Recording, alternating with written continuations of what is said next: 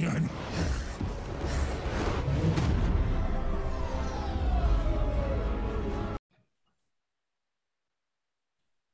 okay, welcome back again guys uh, to our channel. Kembali lagi edisi spesial. Uh, kita maraton keliling gitu ya, belusukan bersama Mas Z ya.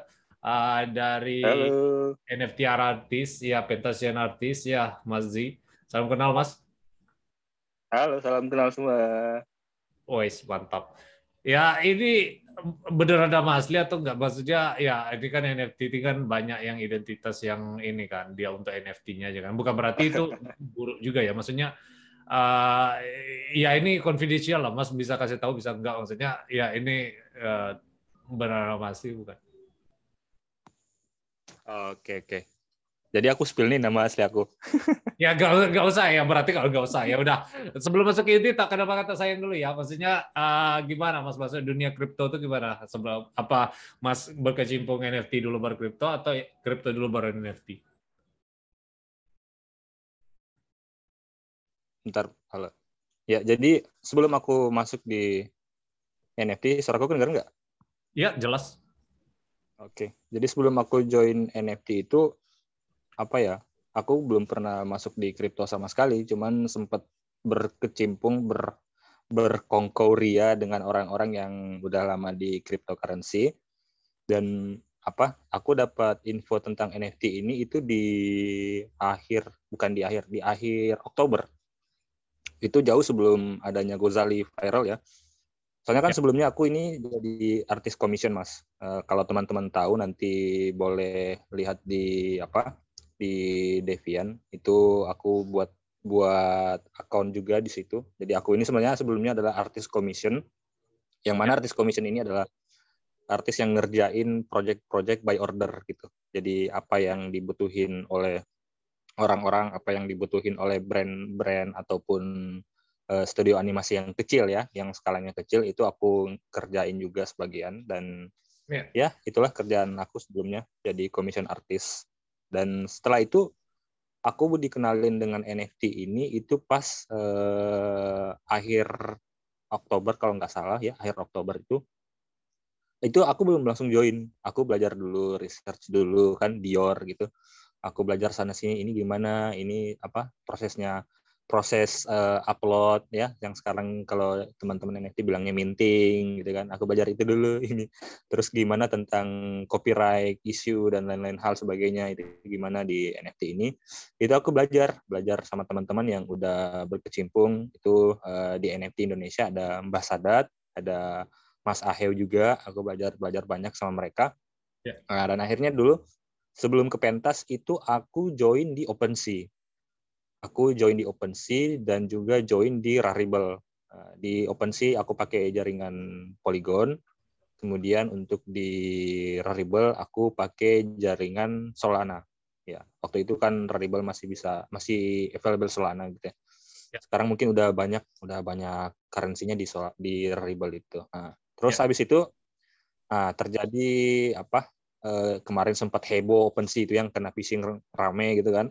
Ya, benar. Nah, aku ini termasuk salah satu uh, korban juga di OpenSea yang terkena phishing itu. Tapi nggak banyak, nggak ini nggak banyak yang hilang sih. Cuman berapa ya? 120 dolar kalau nggak salah. Yes. 120 dolar. Kemudian ada beberapa collection aku yang hilang itu ada sekitar 46 collection yang hilang. Tapi itu ya. sekarang akunnya masih ada, cuman nggak bisa ini. Orang udah nggak bisa beli lagi, nggak bisa apa? Eh, pokoknya nggak bisa inilah belanja di akun aku yang di OpenSea itu. Nah, makanya aku ketemu sama Mas Parka. Ketemu sama Mas Parka itu di grup Telegram NFT Indonesia juga. Ya. Sama Mas Cabi Ape, sama Mas Halo Versa, a.k.a. Mas Benny. Nah, ya, jadi aku ketemu sama mereka. Terus Ya gitu, aku diajak eh, join di sini aja di pentas. Terus aku nanya kan tentang pentas ini marketnya seperti apa dan juga eh, pasarnya di mana. Nah, terus mereka jelasin pentas ini marketplace Malaysia untuk NFT. Kemudian blockchainnya itu ada di eh, BNB atau yang kita kenal Binance kayak gitu, kayak gitu. Ya yes, benar. Jadi ya itu ya pas mas masuk sendiri. Terus uh, ini momennya mas sendiri kan dari mas masuk NFT dulu baru kripto kan jadi baru mengenal kripto setelah NFT jadi aha momennya sendiri mas. Mas bilang oh NFT uh, eh, is here to stay is not going anywhere. Tuh kapan? Maksudnya uh, mas dedikasi diri mas di industri ini sejak kapan? Maksudnya ya kemarin kan uh, first time debuternya kan. Cuman kalau kita aha momennya tuh kapan? Itu beda kan? Maksudnya dua hal yang berbeda kan? Ya. yeah. Oke oke um, kapan ya momen itu? Iya nggak apa-apa, nggak perlu persis. Maksudnya ketika Mas uh, sadar ini udah ada komunitas itu atau apa gimana? Tadi kan sampai nyebut komunitas juga kan? Iya, jadi aku uh, momen itu pas aku ngehnya itu di Februari kalau nggak salah. Ya soalnya aku join pentas Februari, join marketplace itu di ya. Februari dan ya aku mulai merasa nyaman gitu dengan uh, komunitas yang sekarang ini ya yang aku tempati ini di pentas Indo kayak gitu. Jadi ya lebih momennya tuh lebih di situ pas awal-awal itu awal Februari dan sampai sekarang ya alhamdulillah masih ini ya masih tetap nyaman sampai sekarang masih solid juga soalnya. Jadi ke bawah lah suasana kekeluargaan gitu walaupun kita beda-beda daerah ya, beda bahasa gitu. Ya, kayak gitu-gitu sih. Yang penting. Maksudnya ya apalagi kayak Twitter Space apa itu sangat membantu sih. Kita apa uh, diskusi. Nggak cuma masalah NFT aja kan maksudnya masalah hidup kayak aku keluarga juga aduh jadi iya. curhat. Malah ada gitu.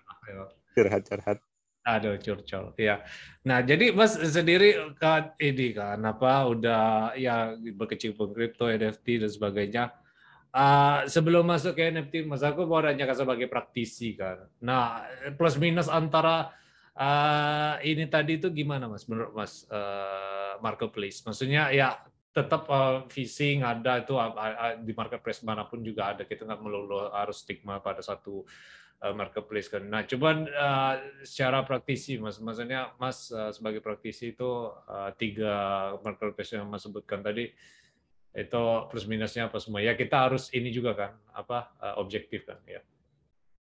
Iya benar-benar ya jadi uh, dari uh, experience aku masuk di beberapa marketplace. Yang pertama itu di OpenSea. OpenSea ini uh, plusnya itu pertama pasarnya luas.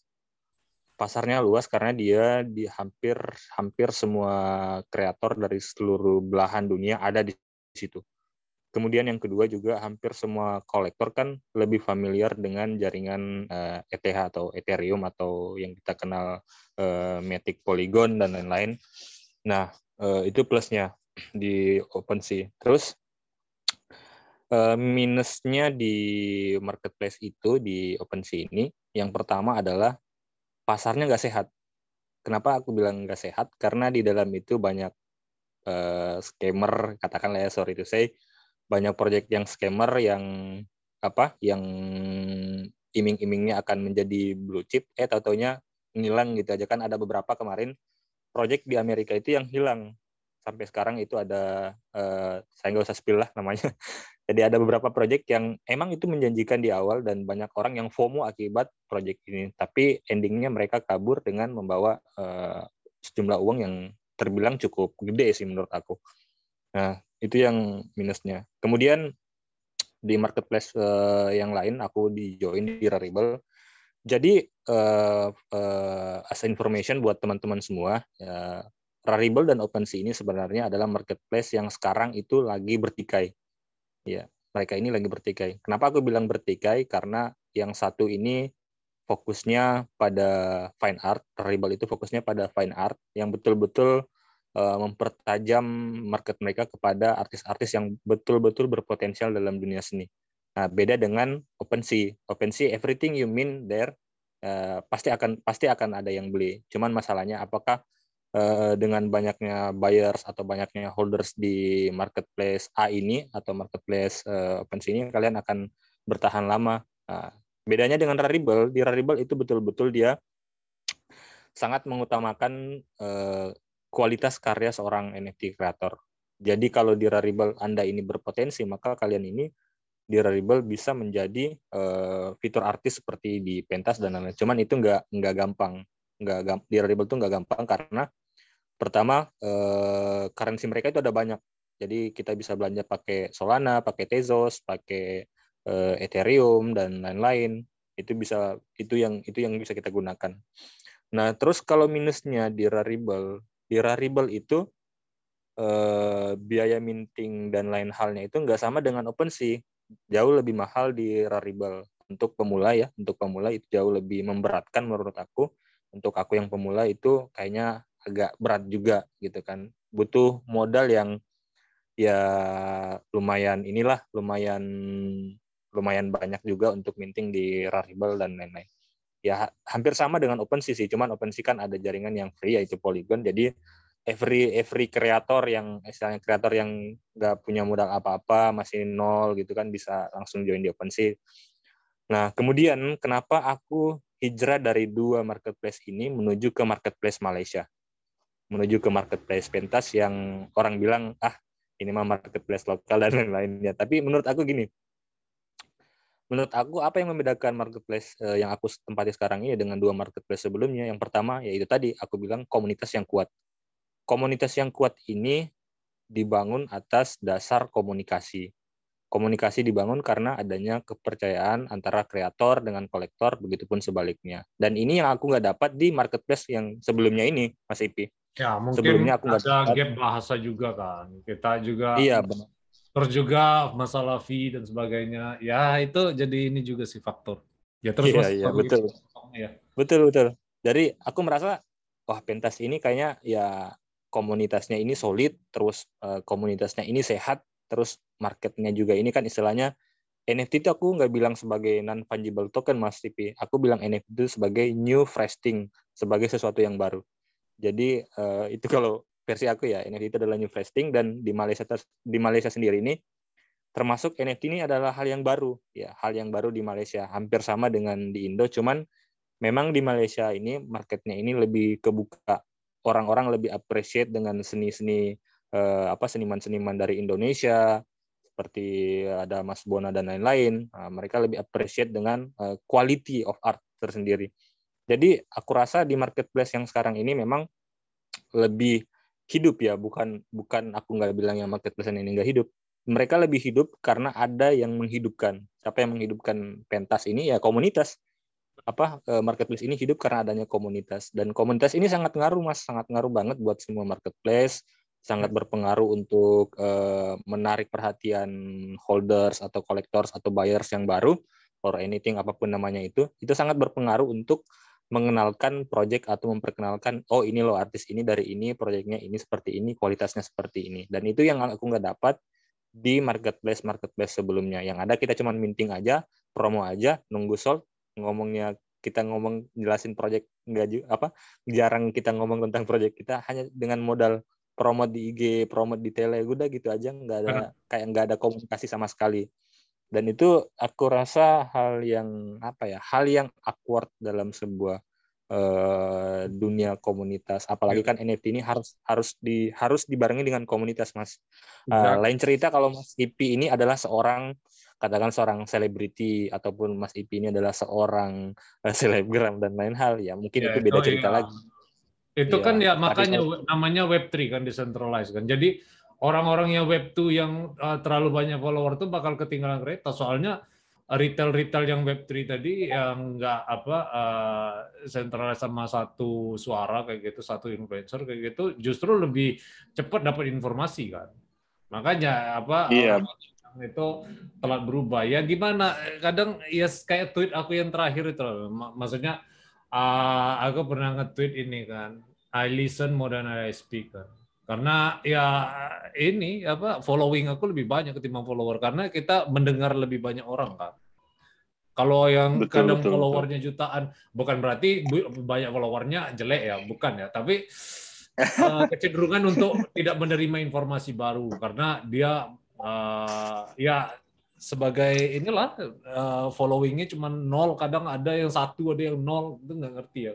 Hmm, betul betul atau mungkin dia punya akun backup Mas Ipi ya itu ada timnya juga itu ada juga cuman kan bukan dia sendiri kalau yeah. dia sendiri kan langsung ngerti kan iya, efisiensi yeah, itu penting mas hmm. dalam informasi Uh, dalam NFT itu juga ya Gozali bisa kayak gitu kan juga karena dia uh, efisiensi dia nge-tweetnya waktu itu bahasa Inggris juga kan. Jadi uh, hmm. uh, ya aku bukan berarti nggak bisa uh, apa uh, gunain bahasa Indonesia bukan. Kita tetap melestarikan budaya iya. Tapi kalau dalam community ini kan termasuk budaya juga karena eh, untuk menyerap informasi dengan cepat kan dengan cara kita nggak perlu translate, translate lagi kan ribet kan. Jadi efisiensi informasi itu penting ya. Salah satunya kita seenggaknya nggak perlu perfect English lah. Maksudnya broken English aja udah cukup sebenarnya.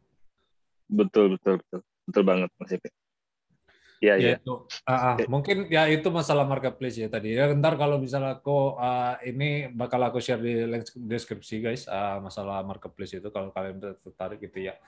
Nah terus kita langsung spill aja nih uh, NFT mas nih apa tentang apa roadmapnya apa ada whitelist atau enggak berapa fase maksudnya ya ini sekalian skilling lah ya kan kita kayak gini aja juga ya.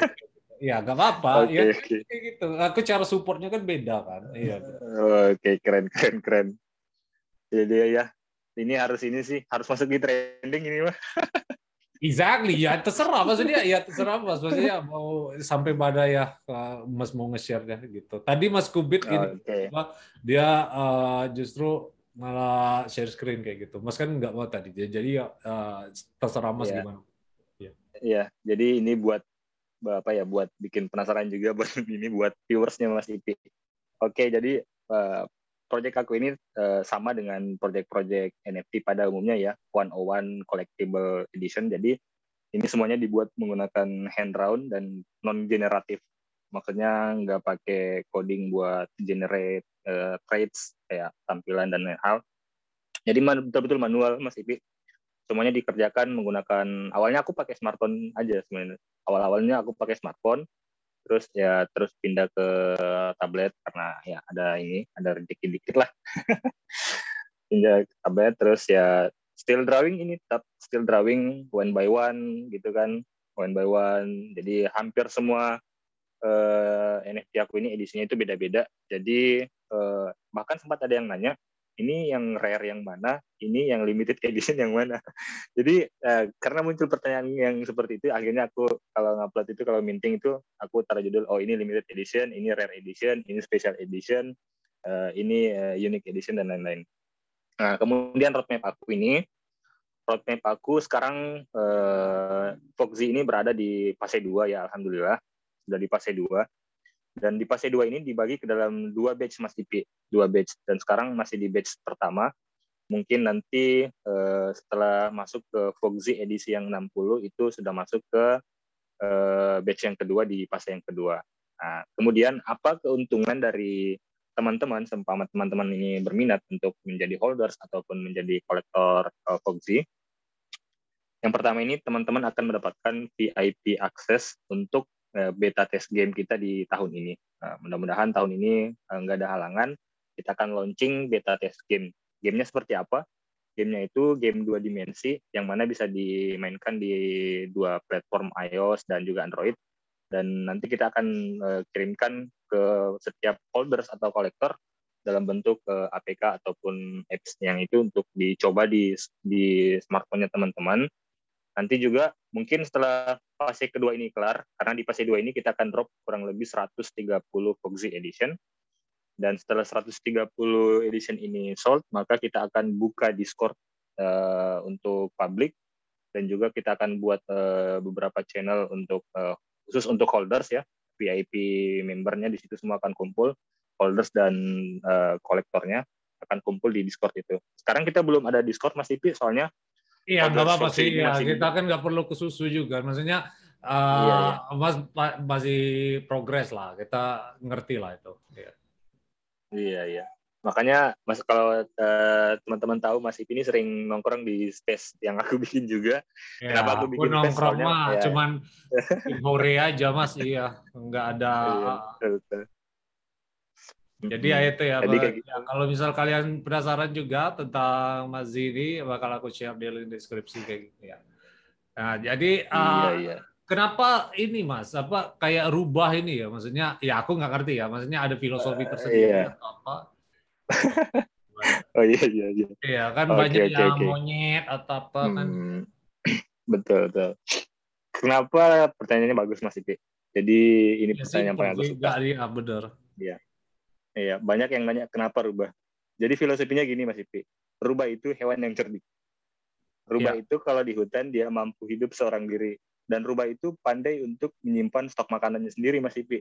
Dia Iya. juga mampu bertahan hidup meskipun dia nggak nggak makan daging selama eh, mungkin berbulan-bulan hanya makan dengan eh, tumbuh-tumbuhan atau daun-daunan. Jadi kenapa aku pilih rubah karena rubah ini hewan yang cerdik bisa hidup survive tanpa kelompok. Ya meskipun ujung-ujungnya dia tetap butuh eh, kelompok juga pada akhirnya. Ya tapi aku rasa rubah ini hewan yang unik gitu karena hampir jarang ditemui oleh eh, manusia pada umumnya ya. Eh, kurang tahu kalau di mungkin di Eropa mungkin sering atau di mana. Tapi ini hampir jarang soalnya aku sering nonton di eh, National Geographic ya atau Discovery Channel yang animal animals gitu. Aku suka Ya, banget sama rubah soalnya aku suka sama rubah dan juga aku ini adalah fans berat Naruto Ya nggak apa-apa ya benar. Jadi ya itu Iya, ya. jadi kayak gitu. ah, Fans, fans Naruto jadi kayak gitu. Ya udah ini apa eh, Mas jelasin circulating supply-nya berapa Mas? Ini kan ya ini kita nggak tahu ya. Maksudnya Mas mau cetak berapa gitu ya. Maksudnya eh, berapa dari out of berapa gitu. Eh, Oke, untuk supply kita, eh, jadi Fungsiverse ini terbagi ke dalam dua, eh, dua, dua versi. Jadi versi pertama ini kita cuma supply 130 aja Mas Ipi. Mungkin nanti di versi kedua kita akan drop lebih banyak lagi, tergantung Phase two? eh, apa? Eh, bukan. Jadi Oh, setelah lagi. phase 2 ini kan, ya setelah phase 2 itu masuk ke phase 3. Di phase 3 ini nanti tuh nggak ada nggak ada drop sama sekali. Jadi betul-betul kita akan treatment semua holders, kita akan treatment holder, kita akan apa uh, communicating di Discord tentang what next, uh, what should we do for the next WOGZ. Jadi kita akan minta insight semua holders dan kita akan apa kita akan brainstorming bareng-bareng gitu. Jadi lebih membuat holders nyaman, lebih membuat holders yakin terhadap proyek ini bahwa proyek ini bukan proyek main-main kayak gitu. Ya benar. Uh, face-nya itu sendiri Mas eh, emang ini ya apa in order kayak gitu ya. Maksudnya uh, harus melalui step uh, tiga phase itu kan. Ka- Karena NFT sendiri kan uh, ya punya uh, ya phase-phase seperti itu kan. Iya iya benar-benar. Jadi kita nggak ada whitelist, nggak ada whitelist. Jadi betul-betul Nah ya langsung whitelist itu ada pro kontra juga sih masalah whitelist. Kemarin kan ada kasus kayak gitu kan dan dia whitelist. Ya Hmm. bukan bukan berarti whitelist ini buruk ya. Jadi ininya apa eh, stigma kayak gitu bukan ya. Tapi gimana ya bilangnya? Ini menurut Mas aja ya there is no right, there is no wrong. Cuman eh, pendapat orang aja kan bisa beda-beda kayak gitu. Menurut Mas whitelist Hmm. sendiri diperlukan nggak? Soalnya eh, kalau dalam eh, ibarat whitelist itu kayak PO lah kan kalau kita quote on quote kan. Hmm. Ya. Iya Eh, iya. dapat barang duluan, kadang lebih murah atau ada benefit apa kalau misalnya nggak barang lebih murah kayak gitu kan. Nah cuman kalau Hmm. dia nggak tahu circulate eh, circulating supply atau kayak gimana nggak transparan ibaratnya jatuh-jatuhnya kan eh, kolusi ya maksudnya ada deal-dealan kayak gitu kan. Jadi pas orang Hmm. udah apa udah launching, udah mainnet kayak gitu kan tinggal dump user aja kan. Contoh yang kayak The Rock itu kemarin. Nah, Mas tahu gak yang The Rock itu? Itu kan exit Hmm. liquidity semua. Iya kan. iya. iya. Orang FOMO cuman ini gambar-gambar batu. Taunya pas ini goes to zero. Udah ini ya kan kalau NFT kan nggak liquid ya, nggak kayak rumah ya. Eh, kayak rumah dia kan. Harus eh, benar-benar Hmm. ketemu sama satu holdernya kan. Beda kalau Iya, sama betul. Bitcoin. Bitcoin mau harga satu miliar, kalian bisa tetap bisa purchase yang uh, fractionnya kan 0,0000 aja tetap bisa kan jadi uh, Hmm. nggak ada gap antara yang duit dikit sama yang gede nah kalau ini kan benar-benar ini ya ini menurut mas aja maksudnya waitlist di sini menurut praktisi gimana nih Hmm, iya. Kalau waitlist sendiri untuk eh, untuk aku pribadi ya untuk proyek aku ini, kenapa aku nggak pakai waitlist? Karena aku beranggapan eh, waitlist ini apa ya? Ini kayak buat eh, bukan wasting time sih, cuman lebih kayak kurang ini aja, kurang kurang langsung pada poinnya. Kenapa enggak nggak- nggak pakai waitlist? Karena ya hal yang pertimbangan itu tadi yang kayak Mas Pi bilang itu Iya. apa bisa memicu hal yang pro and cons kayak gitu-gitu. Jadi aku belajar juga Mas Tipi dari beberapa teman-teman kreator itu mereka nggak pakai waitlist. Kenapa langsung drop and collect kayak gitu? Karena menurut mereka itu jauh lebih efektif timbang buat waitlist yang orang jadi kayak di PHP-in kayak gitu. Exactly. Jadi apa ya? Iya, waitlist. Aku menurut aku waitlist bagus selama as long as the project itu benar-benar uh, serius gitu kan. Uh, artinya mereka benar-benar nggak ngasih harapan palsu untuk calon buyers mereka atau calon holders mereka. Nah kenapa Foxy nggak pakai waitlist? Kenapa kami nggak pakai waitlist? Karena kita betul-betul langsung straight to the point. Langsung pada intinya bahwa project ini, ini adalah tentang ini seperti ini dan akan berakhir seperti ini. Kayak gitu ya sih benar Hmm. Jadi kita ya, enggak ya, ini. itu preferensi orang ya. Aku nggak bisa ngejudge juga. Jadi Mas eh, yang benar ya sih Mas yang bilang tadi ya. Ya selagi Mas nggak membutuhkan whitelist ya uh, why not ya. Maksudnya ya itu preferensi orang balik-balik kayak gitu ya. Iya iya. Iya. Betul betul Mas itu.